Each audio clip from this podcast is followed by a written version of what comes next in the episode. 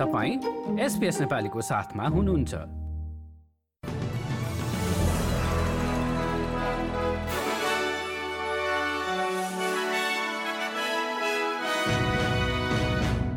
नमस्कार। सेप्टेम्बर तीस तारिकको एसपीएस अस्ट्रेलियाली समाचारमा स्वागत छ। म सुनिता पोखरेल। सुरु गरौं आजका मुख्य समाचारबाट।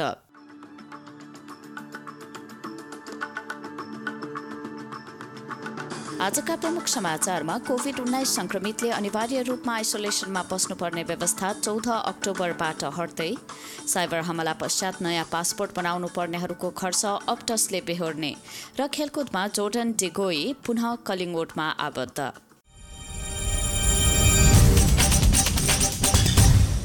अब समाचार विस्तारमा। राष्ट्रिय मन्त्री परिषदले कोविड उन्नाइस संक्रमण देखिएका अस्ट्रेलियालीहरूले अनिवार्य रूपमा आइसोलेसनमा बस्नुपर्ने व्यवस्थालाई हटाउने भएको छ। शुक्रबार प्रधानमन्त्री एन्थनी एल्बनेजीले अध्यक्षता गरेको मन्त्री परिषद बैठकले सर्वसम्मत निर्णयद्वारा कोविड उन्नाइस संक्रमितले आइसोलेसनमा बस्नुपर्ने बाध्यकारी व्यवस्था हटाइएको हो। चौध अक्टोबरदेखि पाँच दिनसम्म आइसोलेसनमा बस्नुपर्ने नियम हटाइए पनि उच्च जोखिम भएका स्थानहरू जस्तै वृद्ध शहरमा काम गर्ने मानिसहरूलाई आइसोलेसनमा बस्नुपर्ने अवस्था भएमा आर्थिक सहायता प्रदान गरिनेछ।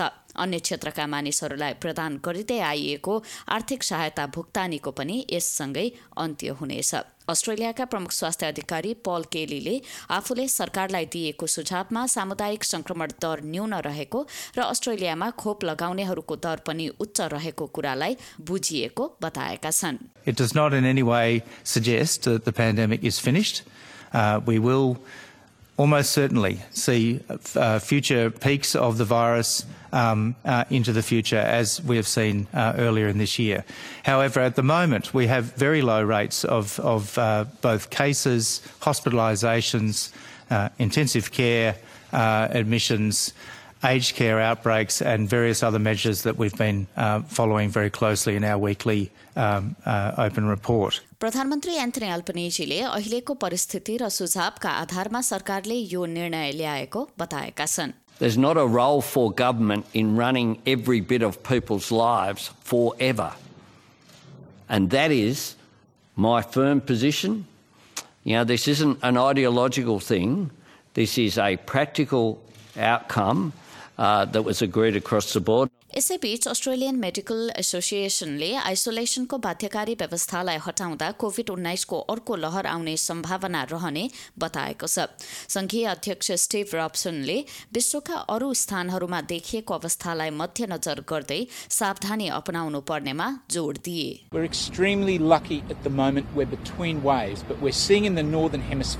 a massive upswing in COVID cases and hospitals filling up again. We don't want that to happen in Australia as the holiday season approaches. So we need extreme caution and we need to protect the health system and the people who work in it and the patients it serves. Burnet इन्स्टिच्युटका professor बेन्टन क्राबले isolation हटाइनु अव्यवहारिक र गलत जानकारीको उपज भएको बताएका छन् Isolation is very important um, adjunct to vaccination um, and to uh, you know, treating the air, clean, cleaning the air, and wearing a mask. It's it's all we've really got. It's also uh, of little cost if there's low COVID. So one of the reasons given for scrapping it is there's less COVID around at the moment. So why not keep it? Because there's there's uh, there's less cost with it, and of course it helps knock the top off the next wave. So uh, it's a bizarre decision. अप्टसको cyber हमलाका पीडित रहेका दस हजार बढी मानिसहरूको संरक्षणका लागि अस्ट्रेलियाली संघीय प्रहरीले आफूहरू राज्य र संघीय समकक्षीहरूसँग मिलेर अपरेशनमा लागेको बताएको छ। अनुसन्धान जारी रहँदा अपरेशन गार्डियनले जति सक्दो सुरक्षा प्रदान गर्ने लक्ष्य राखिएको साइबर कमान्डकी सहायुक्त जस्टिन गाउले बताइन्टेड by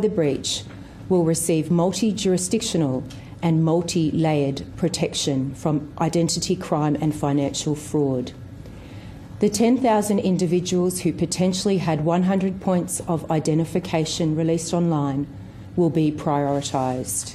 प्रधानमन्त्री एन्थनी एल्पनेजीले प्रभावितहरूको पासपोर्ट प्रतिस्थापन गर्न लाग्ने खर्च बेहोर्न अप्टसले सहमति जनाएको बताएका छन्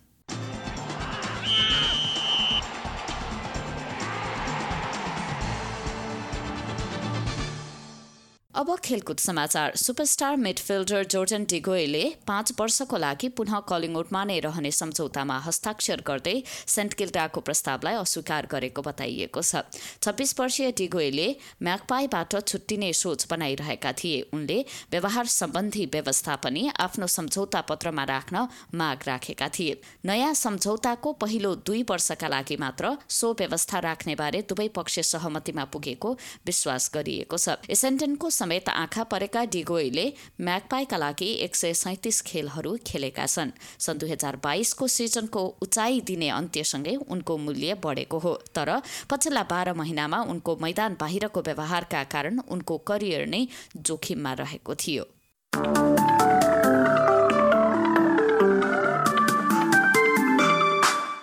अब भोलि शनिबारको मौसम सम्बन्धी विवरण। पर्थमा सत्ताइस डिग्री अधिकतम तापक्रमका साथ दिनभर घाम लाग्ने। एडिलेटमा बाइस डिग्री र अधिकांश समय आकाश सफा रहनेछ। उन्नाइस डिग्री रहने मेलबर्नमा आंशिक बदली हुनेछ। त्यस्तै मौसमका साथ होबार्टमा सोह्र डिग्री रहने। क्यानबेरामा पानी पर्दै अधिकतम तापक्रम रहनेछ चौध डिग्री। सोह्र डिग्री रहने वलङ्गङ अठार डिग्रीका साथ सिडनी र उन्नाइस डिग्री रहने न्यू कासल तिनै स्थानमा पानी पर्ने। ब्रिस्बेनमा पनि पानी पर्दै तेइस डिग्रीसम्म तापक्रम पुग्नेछ।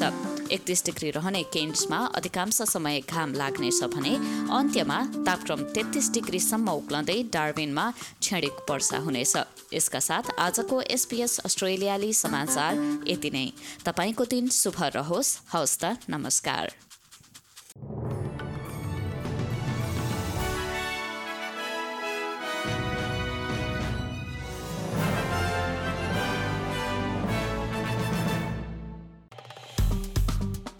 लाइक सेयर र कमेन्ट गर्नुहोस्।